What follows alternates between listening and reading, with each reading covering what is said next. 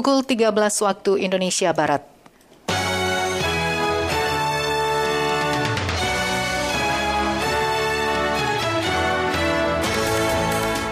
Dari Medan Merdeka Barat 4 dan 5 Jakarta, inilah Radio Republik Indonesia dengan Warta Berita.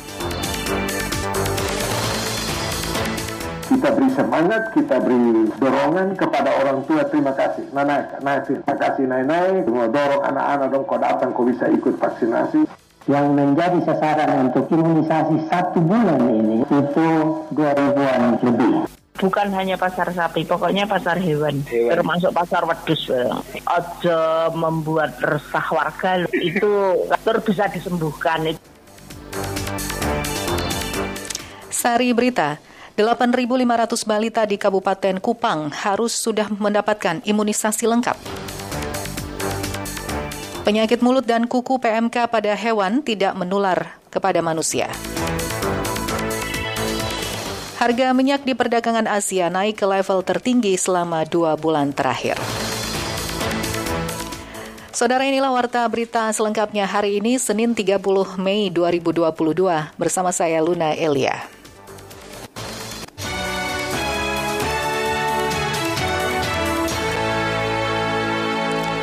Kami akan awali warta berita siang ini dengan menghadirkan sekilas berita utama. Penerima vaksin COVID-19 dosis penguat di Indonesia kemarin bertambah 189.814 orang, sehingga total penerima hingga kini mencapai 45.395.000 orang. Tim Second Fleet Quick Response Pangkalan Utama TNI Angkatan Laut Lantamal 8 Manado kemarin mengagalkan upaya penyelundupan 114 ekor ayam ilegal dari Filipina di Pelabuhan Manado. Menteri Dalam Negeri Muhammad Tito Karnavian mengizinkan Gubernur Jawa Barat Ridwan Kamil berada di Swiss sampai 4 Juni mendatang guna memantau langsung upaya pencarian anak sulungnya yang terseret arus Sungai Are di kota Bern, Swiss pada 26 Mei lalu.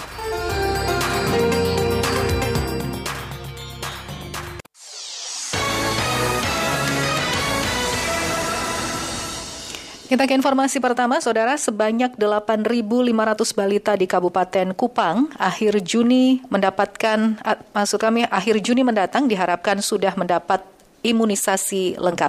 Kita simak informasinya bersama reporter Harsono. Jadi kalau kepala dinas baru skorsing baru itu, kalau ini semua tidak boleh dan semua kawan-kawan yang atur diri sendiri, ya aneh lah. Bagaimana tidak diskors? Hal tersebut terungkap dalam pencanangan bulan imunisasi anak nasional tingkat Kabupaten Kupang yang dilakukan Bupati Korinus Masnino di SD Negeri Batu Monas, Kecamatan Afang Tengah. Diketahui data Kementerian Kesehatan selama pandemi COVID-19 terdapat 1,7 juta anak Indonesia belum mendapat imunisasi dasar lengkap termasuk 1.672 anak berada di wilayah Kabupaten Kupang. Sementara capaian imunisasi anak usia 0 sampai 12 bulan di Kabupaten Kupang pada tahun 2022 untuk semua jenis masing-masing imunisasi semuanya masih di bawah target capaian yang ditetapkan dalam standar layanan minimal bidang kesehatan. Untuk sasaran imunisasi sampai April 2022 seharusnya berada di posisi 33, 33 persen dari target sasaran yang ada 8.514 bayi umur 0 sampai 12 bulan tetapi baru 2.305 bayi atau 27,1 persen yang mendapat imunisasi dasar lengkap. Sehubungan dengan itu, Bupati Korinus Mas Nino berharap agar dalam bulan imunisasi anak nasional dapat dijadikan momentum anak-anak di Kabupaten Kupang terutama usia 0 sampai 12 tahun mendapat imunisasi lengkap lengkap sebagai upaya perlindungan imunitas maksimal. Saya antero Kabupaten Kupang, antero Kabupaten Kupang. Jadi kita beri semangat, kita beri dorongan kepada orang tua. Terima kasih. Nana, nah, terima kasih Nai-Nai. Dorong anak-anak dong kau datang kau bisa ikut vaksinasi. Saya atas nama pemerintah, saya beri hormat kepada bapak-bapak orang-orang tua di di Ampoang Tengah sini bersama camat dan ini yang sudah dengan kerelaan hati mau dan sadar mendorong anak-anak terutama bagi yang anak-anak baru nol tahun segala macam. Yo, ini suami-suami dong saya minta tolong. Kadis Kesehatan Kabupaten Kupang Dr. Robert Amahika mengaku bulan imunisasi anak nasional sebagai momentum anak-anak di dalam memperoleh imunisasi agar sehat dan cerdas. Dengan imunisasi lengkap diharapkan anak-anak sehat mengikuti belajar dengan baik dan lancar tidak terganggu lagi sehingga kesiapan para dokter dan tenaga kesehatan dapat maksimal dalam pelayanan. Yang menjadi sasaran untuk imunisasi satu bulan ini itu 2000-an lebih. Dan di tempat ini kurang lebih 300 yang harus di. Dalam capaian imunisasi pada anak-anak menjadi tanggung jawab kita bersama, terutama para orang tua. Kita ke informasi selanjutnya, pendengar persediaan vaksin hingga kendala perizinan orang tua menjadi kendala utama capaian imunisasi di Banjarmasin. Sejauh ini capaian imunisasi anak di kota Seribu Sungai baru mencapai 7 persen. Kita simak informasinya bersama reporter kami, Aulia Rahman. Capaian dari target 97.151 baru tercapai 6.766. Pekan Imunisasi Nasional telah berlangsung di Banjarmasin sejak 18 Mei 2022. Meski demikian, hingga saat ini tingkat sasaran vaksinasi anak tersebut masih rendah. Dari total sasaran 97.151, hanya terrealisasi sebanyak 6.766 orang atau sekitar 7 persen. Persediaan vaksin yang lamban datang hingga kendala perizinan orang tua di sekolah menjadi faktor utama rendahnya angka PIN tersebut. Hal itu diungkapkan Muhammad Ramadan, Kepala Dinas Kesehatan Kota Banjarmasin.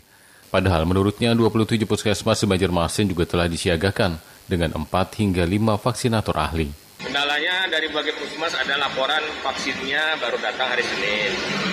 Terus kemudian ada kendala strategi karena ini ke TK ya kan izin orang tua.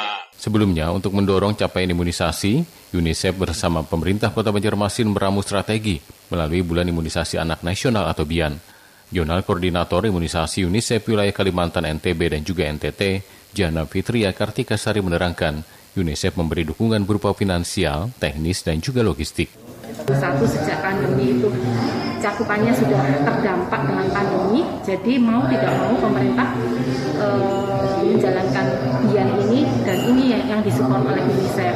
E, dukungan UNICEF dalam bentuk selain finansial juga e, dukungan dalam bentuk e, bimbingan teknis misalnya ada kami yang membantu teman-teman di dinas kesehatan provinsi, kabupaten, serta puskesmas dan juga ke masyarakat untuk bagaimana caranya supaya sukses. Program Bulan Imunisasi Anak Nasional 2022 menyasar anak 9 bulan hingga 12 tahun yang diharapkan dimanfaatkan sebaik-baiknya oleh para orang tua untuk memastikan anaknya diimunisasi lengkap selain vaksinasi COVID-19 di mana target imunisasi di Kalimantan Selatan menyasar 1,4 juta anak.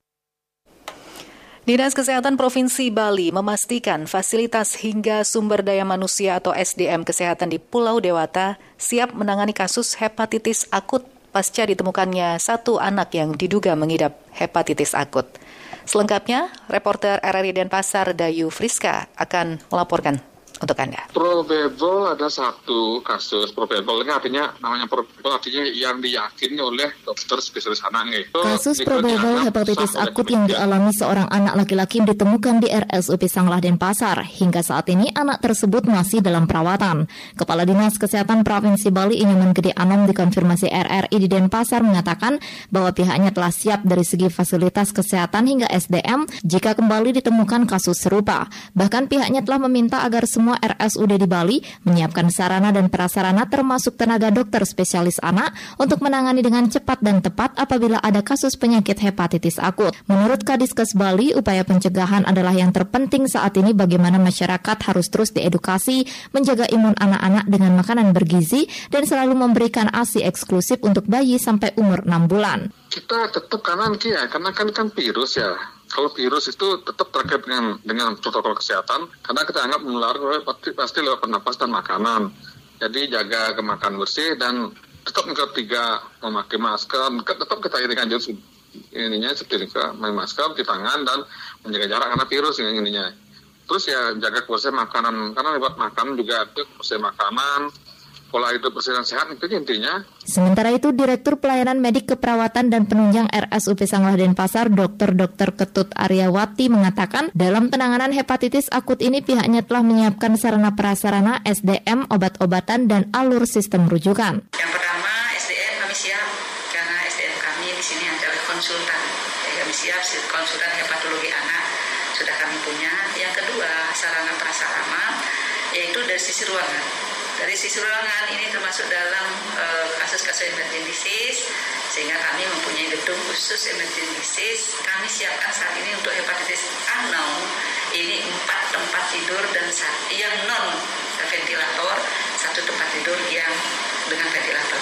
Tentunya akan meluas kalau mudah-mudahan tidak terjadi perluasan pasien. Kemudian yang berikutnya obat.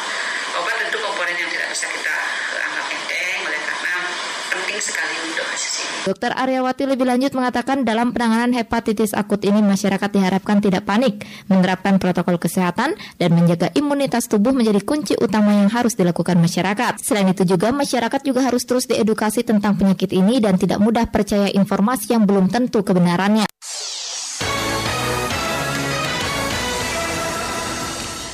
Terima kasih Anda masih mendengarkan Warta Berita Produksi Radio Republik Indonesia. Penyakit mulut dan kuku PMK hewan tidak menular kepada manusia. Dan untuk mengantisipasi semakin meluasnya penyebaran PMK, enam pasar hewan di Sragen, Jawa Tengah ditutup sementara. Kita simak informasinya bersama Mulato Isan ini ada 49 nular kancane. Penyakit mulut dan kuku PMK yang menyerang sapi di Kabupaten Sragen dari awalnya 6 ekor kini semakin meluas menjadi 49 ekor. Bahkan wilayah yang terjangkit di Bumi Sukowati dari awalnya dua kecamatan kini telah merambah di 10 kecamatan. Dikonfirmasi wartawan Kepala Dinas Peternakan dan Perikanan Kabupaten Sragen, Rina Wijayanti menyampaikan dari 49 kasus PMK yang sembuh baru 6 ekor. Seiring meluasnya kasus PMK di Bumi Sukowati, beredar luas sebuah flyer yang menginformasikan penutupan semua pasar hewan di Kabupaten Sragen selama 15 hari. Dalam flyer tersebut penutupan pasar hewan dimulai pada 31 Mei sampai 14 Juni mendatang. Saat dikonfirmasi, Rina Wijayanti mengatakan informasi tersebut bukan hoaks, melainkan pemberitahuan kepada para belantik atau pedagang agar tidak kecelek.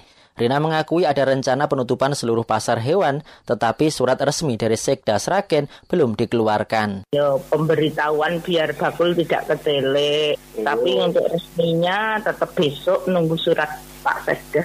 Tapi kan kami perlu omong-omong ben nanti tidak ada komplain dari bakul engko tiwas tekong. Mulai anu hari Selasa paing sesuai dengan edaran itu 15 Juni. Itu kan karena inkubasinya kan 14 hari. Hmm. kalau sampai 15 kan berarti cuma 15 hari.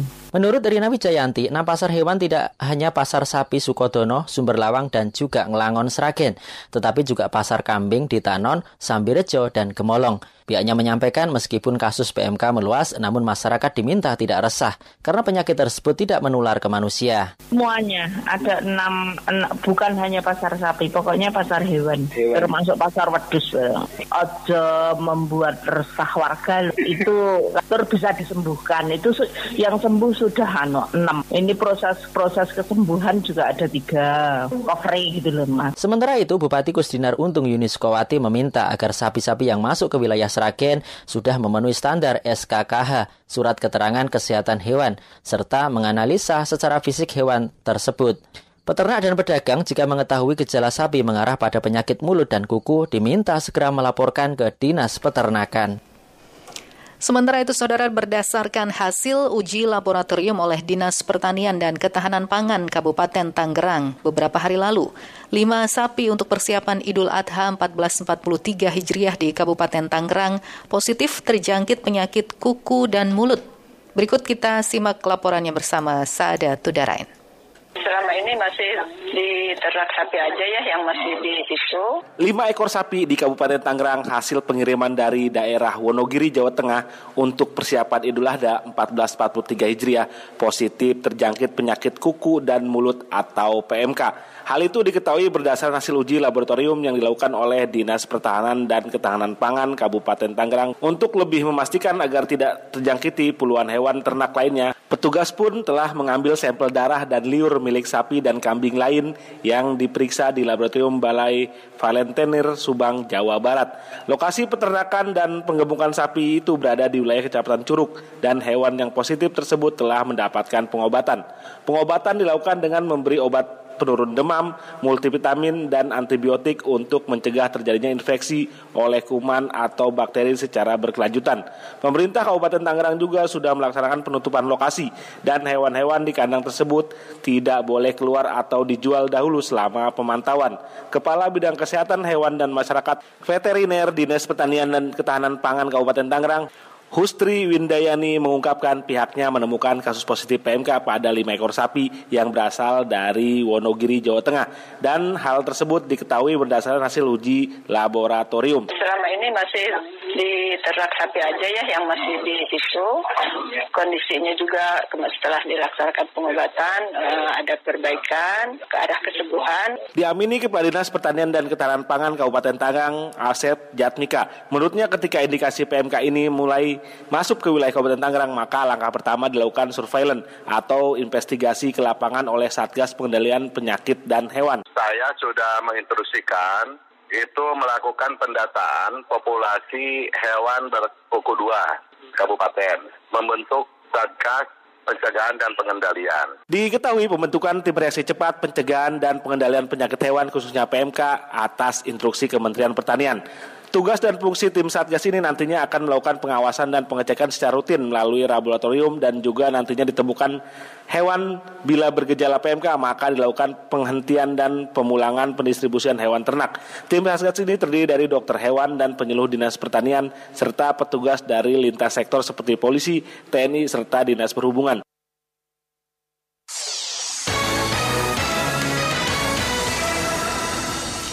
Beralih ke informasi lainnya, dalam rapat kerja bersama Komisi 8 DPR hari ini, Menteri Agama Yakut Kolil Komas menyebutkan 96 persen atau 95,807 calon jamaah haji telah melunasi biaya haji dan siap diberangkatkan. Selengkapnya kita simak informasinya bersama Rizky Supermana. Agenda yang saya bacakan bisa kita setujui? Yuk ya, baik. Komisi 8 DPR hari ini kembali melakukan rapat kerja dengan Menteri Agama untuk menindaklanjuti kesiapan Indonesia dalam penyelenggaraan ibadah haji tahun 2022. Menteri Agama Yakut Holil Homas menyatakan untuk pelunasan pembayaran ibadah haji telah mencapai 96 persen atau 95.807 calon jamaah haji telah melunasi biaya haji dan siap diberangkatkan. Progres pelunasan haji reguler dan haji khusus. Jemaah haji reguler yang berhak melunasi sejumlah 92.800 825 jamaah dan yang sudah melunasi 89.715 jamaah. Kemudian untuk jamaah haji khusus yang berhak melunasi 6.664 calon jamaah yang sudah melunasi 6.092 calon jamaah. Jumlah keseluruhan jamaah haji adalah 99.489 melunasi 95.807 keseluruhan calon jamaah haji yang sudah melunasi berkisar sekitar 96,30 persen. Anggota Komisi 8 DPR Muhammad Ali Ridho dari fraksi Golkar menyoroti terkait dana ribuan calon jamaah haji yang tidak bisa berangkat digunakan untuk yang berangkat haji. Jamaah yang tadi dikatakan sudah berpuluh tahun menunggu, tahun ini tidak diberangkatkan secara total. Ketika mereka sudah tidak bisa berangkat tahun ini, kemudian nilai manfaatnya digunakan untuk kepentingan yang berangkat tahun ini, rasa keadilannya. Anggota Komisi 8 DPR Abdul Wahid dari fraksi Gerindra meminta percepatan pembahasan penambahan anggaran 1,5 triliun rupiah.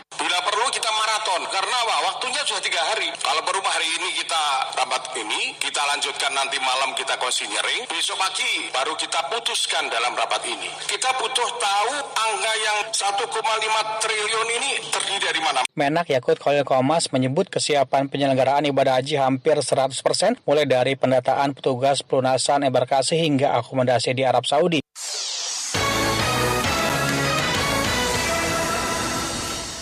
Beralih ke informasi luar negeri, harga minyak di perdagangan Asia pagi tadi naik ke level tertinggi selama dua bulan terakhir karena para pedagang masih menunggu apakah Uni Eropa akan mencapai kesepakatan melarang minyak Rusia menjelang pertemuan paket ke-6 sanksi terhadap Moskow atas invasinya ke Ukraina.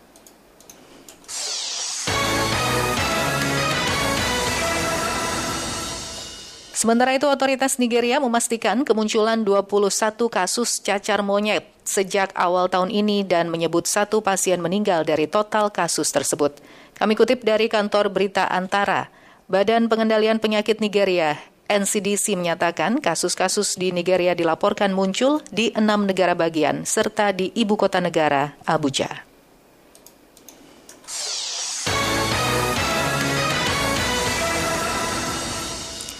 Selanjutnya kami akan hadirkan informasi olahraga. Bandung dan tiga kota lain di Indonesia akan menjadi tuan rumah kompetisi pramusim 2022 yang rencananya diikuti 18 klub Liga 1. Selengkapnya kita simak informasinya bersama Senpi Hilhamsyah. Alhamdulillah kami sudah melakukan drawing untuk pramusim sudah disaksikan bersama-sama melalui cara yang fair dan clear, tidak ada istilahnya tidak ada rekayasa gitu kan. Sebanyak 18 tim Liga 1 dipastikan ambil bagian dalam kompetisi pramusim 2022. Pengundian pun dilakukan di Hotel Pullman Kota Bandung. Kejuaraan pramusim kali ini dibagi dalam empat grup, yakni grup A di Solo diisi oleh Persis Solo, PSIS Semarang, Martapura Dewa United, Persita Tangerang, PSS Sleman. Grup B di Samarinda ditempati oleh Borneo FC, PS Barito Putra, Persija Jakarta, Rans Cilegon FC, serta Madura United. Untuk grup C di Bandung diisi oleh Persib Bandung sebagai tuan rumah, Bayangkara FC, Bali United, serta Persibaya Surabaya. Terakhir, grup D di Malang ditempati oleh Arema FC, Persikabo 1973, PSM Makassar, serta Persik Kediri. Usai pengundian Direktur Utama PT Liga Indonesia Baru atau PT LIB Ahmad Hadian Lukita menjelaskan, kompetisi pramusim 2022 ini akan dimulai pada tanggal 11 Juni 2022 hingga partai puncak pada tanggal 17 Juli 2022. Tuan rumah, uh, tadi di Solo, grup B ada di uh, Samarinda, grup C di Bandung, grup D di Palang. Dan sudah terlihat tadi di grup A siapa, di grup B siapa, di grup C siapa, dan di grup D siapa. Ahmad Hadian Lukita menambahkan, untuk nama kompetisi pramusim 2022 ini yang sebelumnya bernama Piala Presiden atau Piala Menpora belum bisa dipublikasikan sebab masih dalam tahap perbincangan dengan pihak-pihak terkait.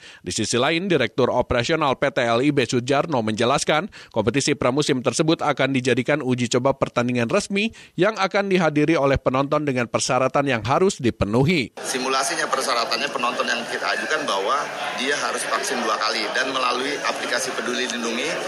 Kita berharap uh, tiketingnya dengan online ya. Tiket online. Jadi ketika masuk di uh, beli tiket aplikasi peduli lindungi jadi ketahuan kalau misalnya tidak sevaksin dua kali kita harapkan tidak bisa. Ya, itu itu yang kita skemakan Mengenai berapa kapasitas penonton yang dapat masuk stadion, Sujarno mengatakan hal tersebut tergantung level PPKM di mana tempat pertandingannya. Sebab nanti akan ada peraturan 75 persen, 50 persen hingga 25 persen kuota penonton yang hadir langsung di stadion. Sementara itu pada masing-masing grup, setiap tim akan berebut dua tiket untuk juara dan runner-up grup klasemen akhir agar lolos ke babak selanjutnya atau perempat final. Dan pembukaan kompetisi pramusim 2022 akan dilakukan di kota Solo sebagai tuan rumah grup A pada tanggal 11 Juni 2022. Petenis putra Carlos Alcaraz mengalahkan Karen Kasanov dalam kemenangan 6-1, 6-4, dan 6-4 untuk mencapai perempat final French Open dan juga memperpanjang rekor kemenangannya menjadi 14 pertandingan. Petenis berusia 19 tahun itu juga menjadi petenis putra termuda dalam 29 tahun terakhir yang mencapai perempat final Grand Slam setelah ia juga mencapai babak delapan besar US Open. Alcaraz yang saat ini menempati peringkat 6 dunia selanjutnya akan menghadapi unggulan ketiga Alexander Zverev dengan yang berhasil mengalahkan petenis kualifikasi Bernabe Zapata Miralles dengan skor 7-6, 7-5, dan 6-3.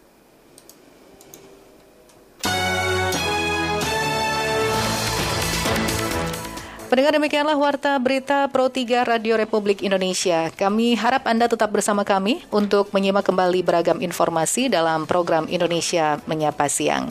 Anda juga bisa mendapatkan informasi aktual lainnya melalui portal resmi kami rri.co.id serta ikuti media sosial terverifikasi kami di Instagram dan juga Twitter at RRI Programa 3. Mewakili kerabat kerja bertugas, saya Luna Elia.